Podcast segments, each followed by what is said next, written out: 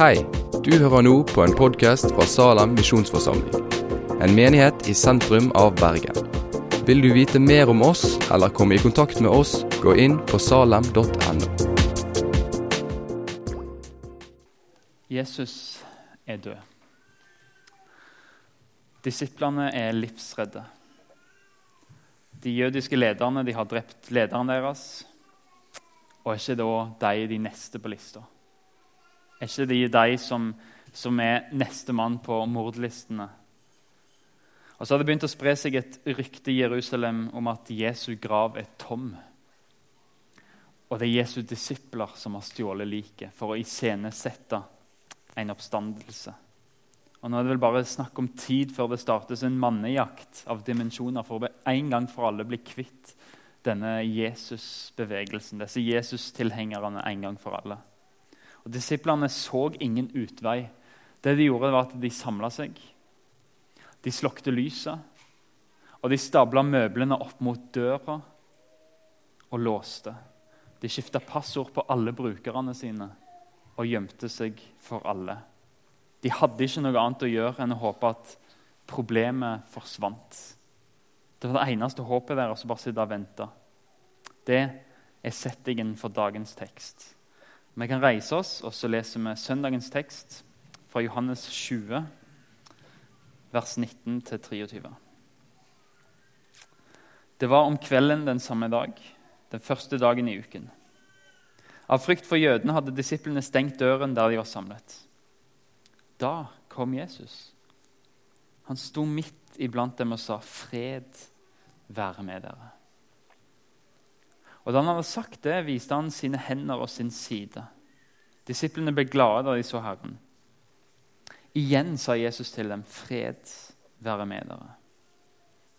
Som Far har sendt meg, sender jeg dere. Så åndet han på dem og sa, 'Ta imot Den hellige ånd'. Dersom dere tilgir noen syndene deres, da er de tilgitt. Dersom dere fastholder syndene for noen, er de fastholdt.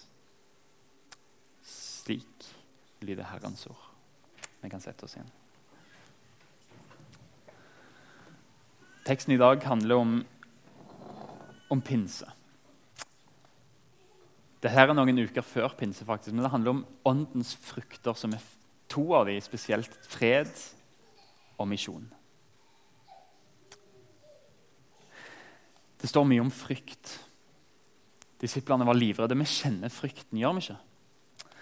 Frykt for å være annerledes, frykt for å bli forlatt. Frykt for å ikke ha en mening med livet. Frykt for morgendagen sitt møte med bankkontoen. Frykt for at barna ikke skal trives på skolen eller ikke ha venner. Frykt for at du ikke greier å fikse det som alle forventer at du fikser.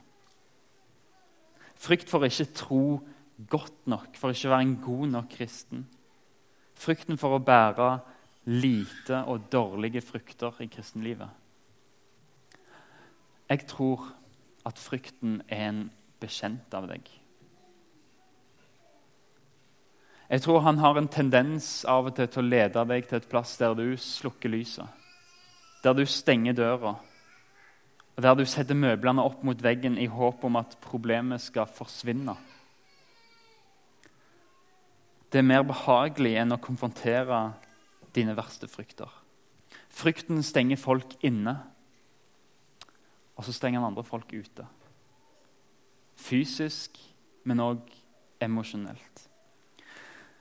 Det er lettere å være bak låste dører i mørket alene enn det å slippe noen inn. Slippe noen inn i frykten, slippe lys inn i mørket. Her sitter disiplene, redde. Her sitter du. Jesus, han som hadde oversikten, han som hadde kontrollen, han er borte. Og så er det kroken på døra og lyset av. Er det trygt å låse ei dør? Det føles sånn. Det holder, det holder mennesker utenfor, mennesker vi ikke vil skal komme inn. Men det holder òg utenfor de som vi kanskje burde slippe inn. Ikke alle skal inn til våre frykter og til vårt mørke, men når du er et kristent fellesskap som Salem, så er tanken at du skal få låse opp døra for noen. Sånn at vi kan få trøste hverandre, oppbygge hverandre og sette mot i hverandre. Det er bud Jesus gir oss. Men tør du å sette døra litt på gløtt for én eller kanskje to personer? Vi trenger ikke stå på scenen og, og rope ut vår angst og vårt mørke, men, men noen Slipper det inn i frykten, i ensomheten, i angsten. Vi ønsker en kultur i Salem der vi blir belønna med 'tusen takk for tilliten'. Jeg vet ikke hva jeg skal gjøre, jeg vet ikke hva jeg skal si, men kan jeg få lov til å grine sammen med deg? Vi ønsker at det er svaret mennesker skal få når de tør å sette døra litt på gløtt. Vi trenger ikke ha alle svar, men vi kan være der vi trenger ikke kjøre over, men vi kan tjene med å bare være der. Takk for tilliten. Kan jeg få lov til å gråte med deg? Men hva om du låser dørene dine helt og ikke slipper inn noen?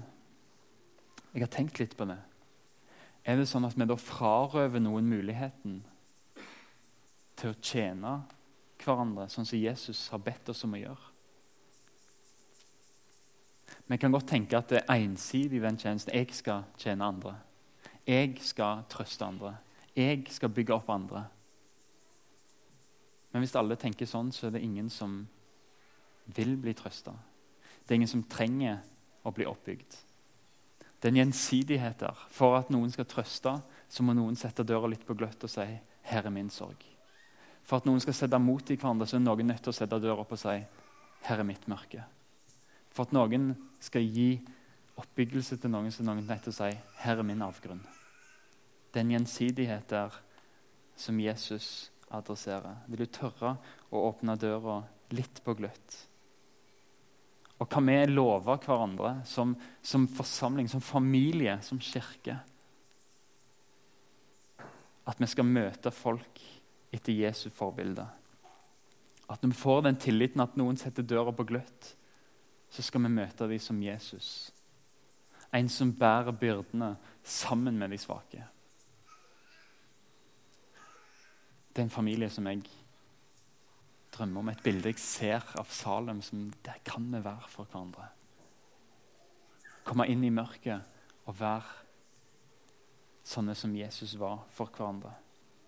En som bærer byrdene sammen med de svake. Denne låste døra Vi kan låse, vi kan velge å lukke og ikke slippe inn noen. Men, men du skal vite at du kan ikke holde Jesus ute fra ei stengt dør. Uansett hvor vanskelig det er å åpne den døra, fordi du vet at frykten er der ute, så er det ikke umulig for Jesus å gå gjennom murvegger, gjennom stengte dører. Han er der. Han kan bære byrdene dine, han kan trøste, han kan sette mot i deg og glede deg. Og det er han vi skal etterligne når vi får komme inn i mørket til noen. Det er han vi skal etterligne i Salem. Derfor vil jeg oppmuntre deg til å være modig. Sett døra litt på gløtt til en som du stoler på i Salem. La oss få være et fellesskap som bærer hverandre, ikke bare på søndagen, men gjennom uka. Er det noen som åpner litt, så tenk at hvordan kan jeg hjelpe denne personen fram til neste søndag? Kan jeg ta en telefon? Kan jeg ringe? Kan jeg gå på besøk?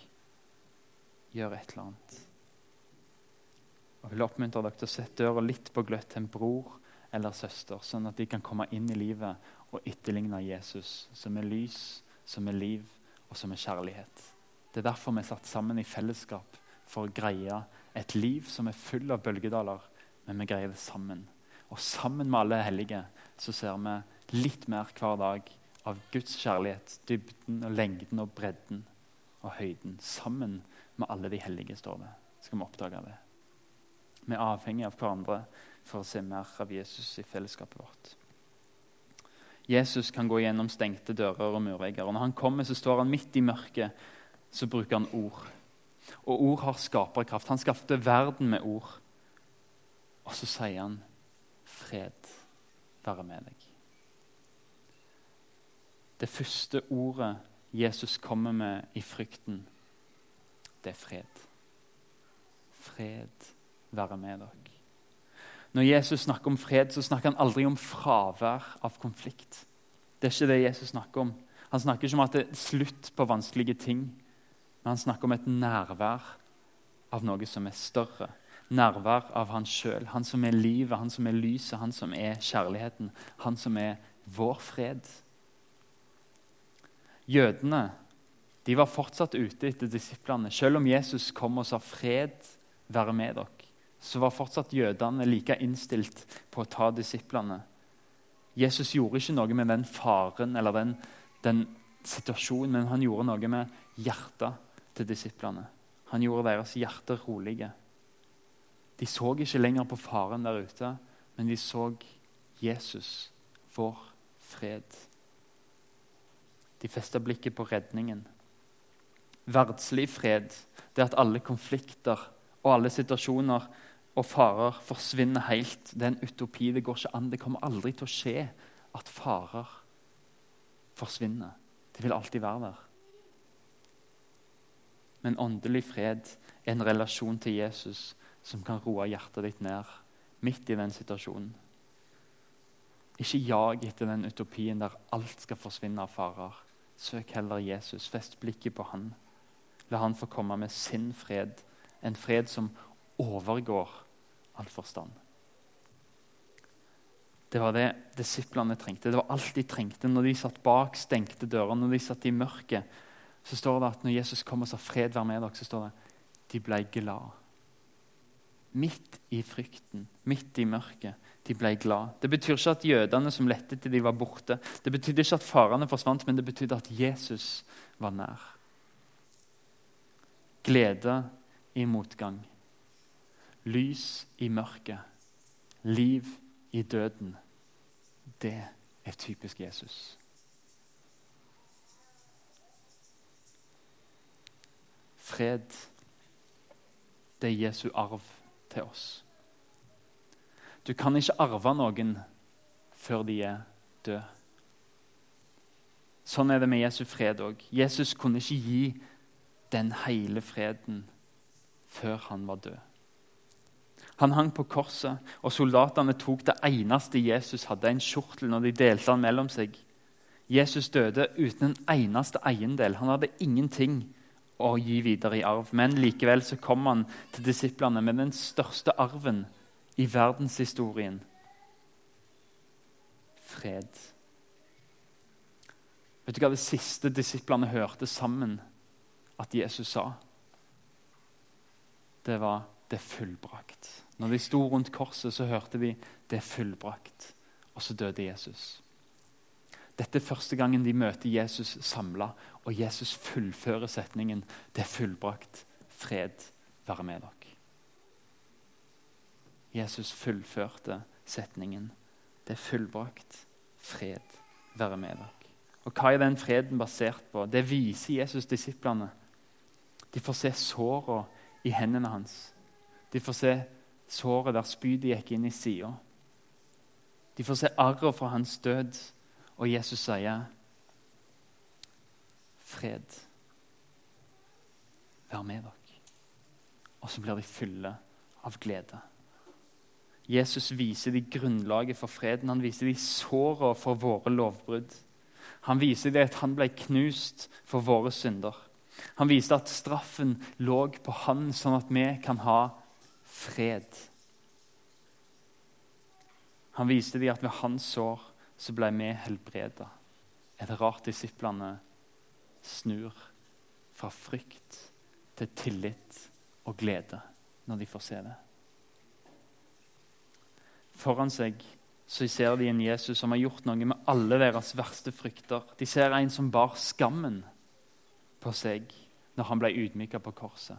De ser en som bar syndene deres når han ble ofra på korset.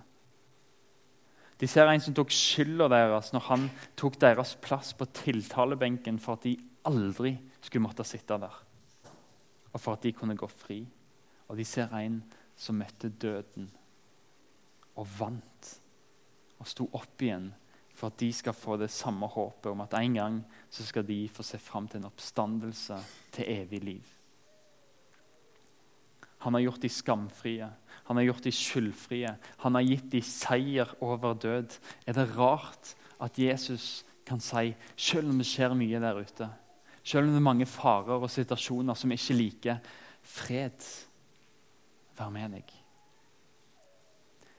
Ikke den fred som verden gir, men den freden som du kan arve av meg. Evig liv, skyldfrihet, skamløshet, seier over død. Fred, vær med dere.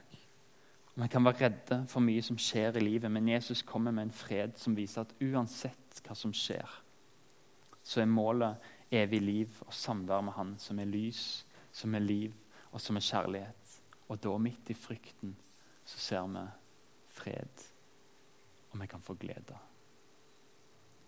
Tenk å få være skamfri, tenk å få være skyldfri.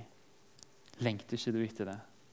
Lengter ikke du etter å være skamfri og skyldfri? Få løfta blikket med glede og aldri rødme av skram. Gud kan gi det til deg.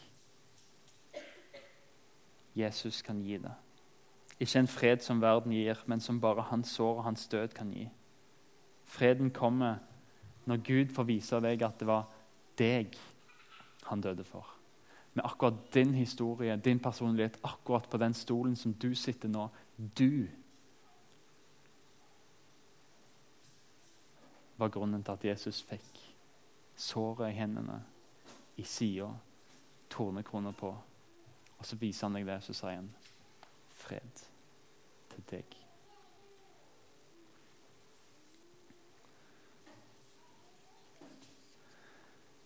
Den freden som vi har fått, den kan vi ikke sitte alene med.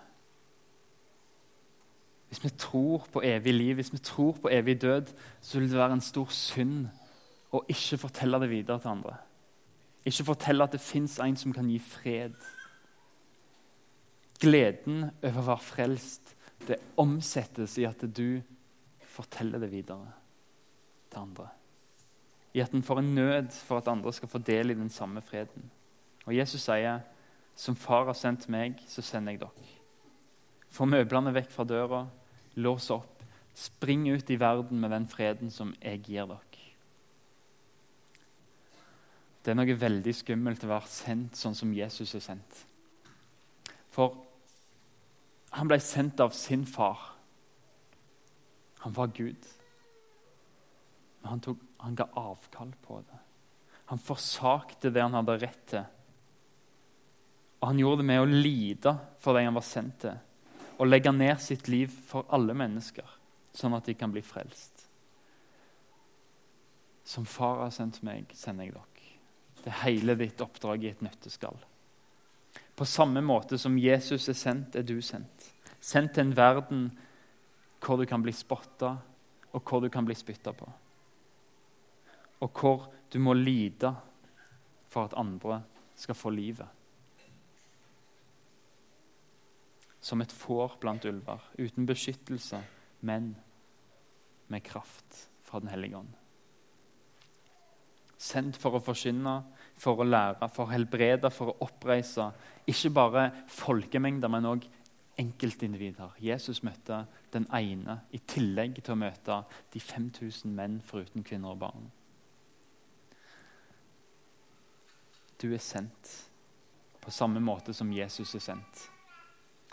Hvor vil du starte? Det var ikke et retorisk spørsmål. Hvor vil du starte? Du er sendt. Du er sendt. Du er sendt. Hvor vil du starte? La meg foreslå noe som Jesus veldig ofte gjorde. Han begynte med å invitere folk til et måltid. Eller invitere seg sjøl på et måltid. Begynne å spise med mennesker. Både folk her i Salem, men folk du ikke kjenner, eller folk naboer dine, for å styrke fellesskap. Både her, men òg med ikke-kristne kollegaer, venner. Inviter dem på et måltid. Og så, neste skritt, lytt. Lytt til dem. Hva har de å si? Hvordan er livet deres? Lytt til dem. La dem få fortelle. La dem få, få se at du bryr deg. Og så lytt til Den hellige ånd, som sender oss. Be om visdom, be om innsteg til de rette spørsmåla. Hva bekymringer er det du har i livet ditt nå? Har du, har du opplevd noen gang å være skikkelig redd? Kom på innsida, kom under huden. Har du et fellesskap som du kjenner at du hører hjemme i? Og Noen ganger så trenger du ikke drive trosforsvar. Det er ikke det vi skal gjøre. nødvendigvis å sitte og fortelle jeg tror sånn fordi sånn og sånn og sånn, og det følger sånn og sånn og sånn. Men bare spør dem. Hva tenker du? Så interessant. Hva tenker du om liv og død? Lytt, ikke bryt inn. Ikke, ikke diskuter, bare lytt. Hva har de å si? Hva tror de på? Av og til så er det kanskje deg som må forsvare hvis du har et spørsmål og du ser at dette stemmer ikke helt overens. Men start Start med å invitere folk på middag, sånn som Jesus gjorde. Hvor vil du begynne? Det er en mulighet. Og så kan du vente. Når de ser at du bryr deg, så spør de tilbake. Jesus sier til disiplene dere skal fortsette mitt oppdrag. Som far har sendt meg, så sender jeg dere. Fortsett det som jeg har gjort.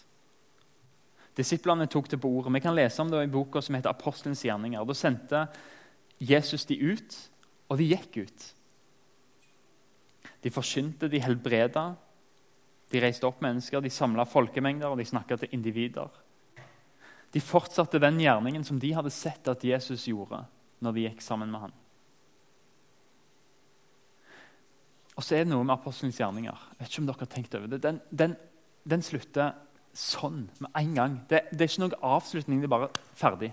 Lukas, akkurat som Nå er jeg ferdig å skrive. Sånn kan det virke for oss. Slutten handler om Paulus, men vi får aldri vite hva som skjer med Paulus. Han blir arrestert, han, er, han går gjennom en rettssak, han anker dommen og går til keiseren i Roma. Og Hele boka bygger opp til det øyeblikket. Hvordan blir det når Paulus møter keiseren i Roma? Men så bestemmer Lukas seg for seg nei, nå er jeg ferdig å skrive. Dere får ikke vite mer. Plutselig, når, når, Paulus sitter i Roma i fangenskap, i, i arresten i Roma, så Nei, jeg skriver ikke mer. Hva er egentlig greia med det, Lukas? Hvorfor gjør du sånn? Hvorfor får vi ikke vite hvordan oppdraget fullføres? Disposisjonen i apostelens gjerninger finner vi i 1,8. Men dere skal få kraft når Den hellige ånd kommer over dere. Dere skal være mine vitner i Jerusalem, i hele Judea og Samaria og helt til jordens ende. Bibelkommentarer sier at dette er disposisjonen. Sånn ser apostelens gjerninger ut. Det er dette det handler om. Først i Jerusalem, så i Judea, så i Samaria og så hele verden. Men likevel så stopper vi i Roma. Hva skjer med det? Det er Lukas som skriver. Og det er hans måte å invitere deg inn i historien på. Historien er ikke ferdig med Lukas. Den er ikke ferdig med Paulus. Den fortsetter med deg som leser. Slutten på apostelens gjerninger er ikke slutten på spredninga av ordet. For Lukas sier med den åpne slutten at nå er stafettpinnen gitt videre til deg. Hvor går du videre? Evangeliet er ikke slutt. Vi har slutt ikke å spre det, men fra nå av tar du over. Gud ga et kall til Barnabas og Paulus i 1347 i apostelgjerningene. For dette er Herrens befaling til oss. Jeg har satt deg til et lys for folkeslag for at du skal bringe frelse helt til jordens ende. Dette er ikke fullført ennå. Og Lukas gir dette kallet videre til deg, du som leser apostelgjerningene. Så sier han dette er ikke slutt. Vær med og fortsett, sånn at vi får det ut til hele jorda. Vær med og oppfylle Guds vilje, Jesu vilje, at alle mennesker skal bli frelst. Og så er det vår oppgave å stå reine. Når livet vårt er fullført, så skal vi streve etter å si akkurat det samme som Paulus sier når han er ferdig å forkynne i Efesus. Men for meg så er ikke liv eller død verdt å snakke om. Bare jeg kan fullføre det løpet og den tjenesten jeg fikk av Herren Jesus, og vitne om evangeliet, om Guds nåde. Og nå vet jeg at alle dere som har levd blant og forkynt riket for, aldri mer skal se ansiktet mitt. Derfor erklærer jeg for dere på denne dag at jeg er uten skyld om noen forspiller sitt liv. For jeg har på ingen måte unnlatt å forkynne hele Guds plan og vilje. Kan du si det om dine naboer? En gang du vet at 'nå skal jeg aldri treffe deg igjen', kan du si 'det er ikke mitt ansvar', jeg har gitt deg sannheten'? Eller har du holdt igjen? Og er det deg som kan si til deg 'Hvorfor fortalte ikke du meg dette?' Du som satt på sannheten. Hvorfor delte ikke du livet med meg? Jeg er uten skyld om noen forspiller sitt liv, for jeg har på ingen måte unnlatt å forkynne Guds plan og vilje. Kan du si det? Det er løpet og den tjenesten Gud la ned for Jesus. Og han sender den stafettpinnen videre til oss. Vi kaller oss kristne som et klengenavn for Jesu disipler. Han sender det til disiplene sine. Ikke tro noe annet. Du er sendt. Du trenger ikke et kall. Du er sendt. Du trenger ikke å få en følelse av at Gud har kalt deg, fordi han har skrevet det svart på hvitt. Du er sendt.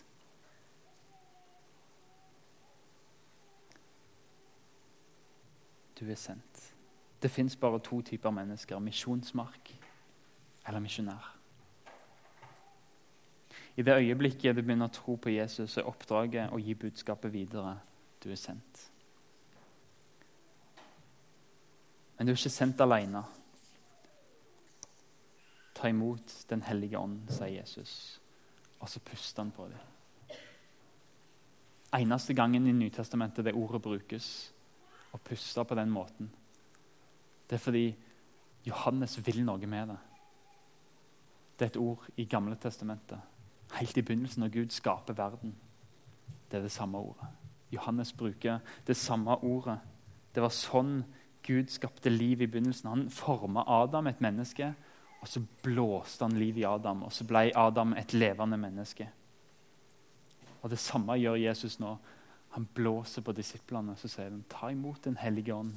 Dette er livet, dette er kraften som vi skal gå med. Ikke i egen kraft, men i Guds kraft. For det er Han som jobber i dere, sånn at dere både vil og gjør det som heter Guds gode vilje. Gud skapte liv med sin pust, og han gir deg kraft med sin hellige ånd, sin pust. Gud har gitt deg kraft til å fortelle. Men hvordan vet du om du har den kraften? Hvordan vet du at du har en styrke til å løfte en gjenstand? Du prøver.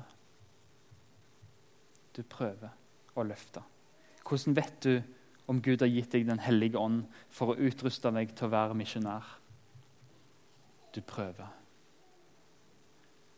Du prøver, og så ser du hva som skjer. Se om ikke Gud er trofast, gir deg ord, gir deg tanker, gir deg ferdiglagte gjerninger. Nå ut til én. Prøv. Men hvorfor vente på et kall når Jesus sier du er sendt? Hvorfor vente på en følelse av Den hellige ånd når Jesus har lovd at du har han som Guds barn? Og hans løfte er mer til å stole på enn dine følelser.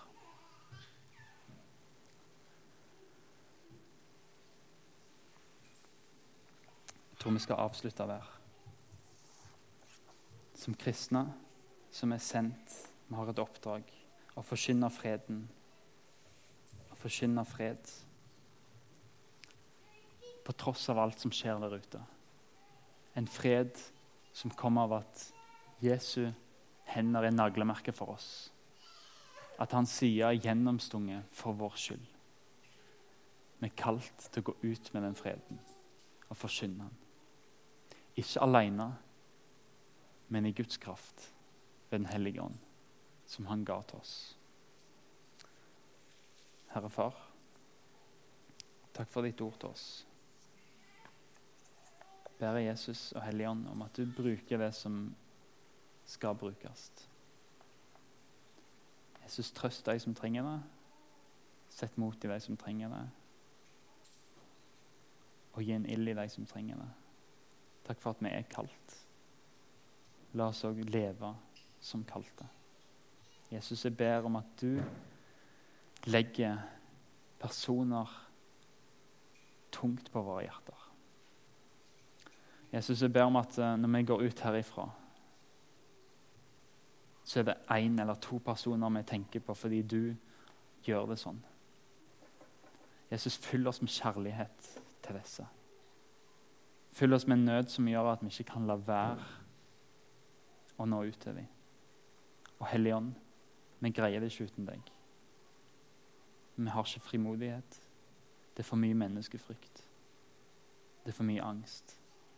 Hellige Ånd, vi trenger at du blusser opp en ild i våre hjerter som vi ikke kan holde på. En ild som vi ikke kan sette i en boks i en bås, men som må ut. Vi trenger din kraft. Blås på oss, Jesus. La oss få ta imot din Hellige Ånd. Amen.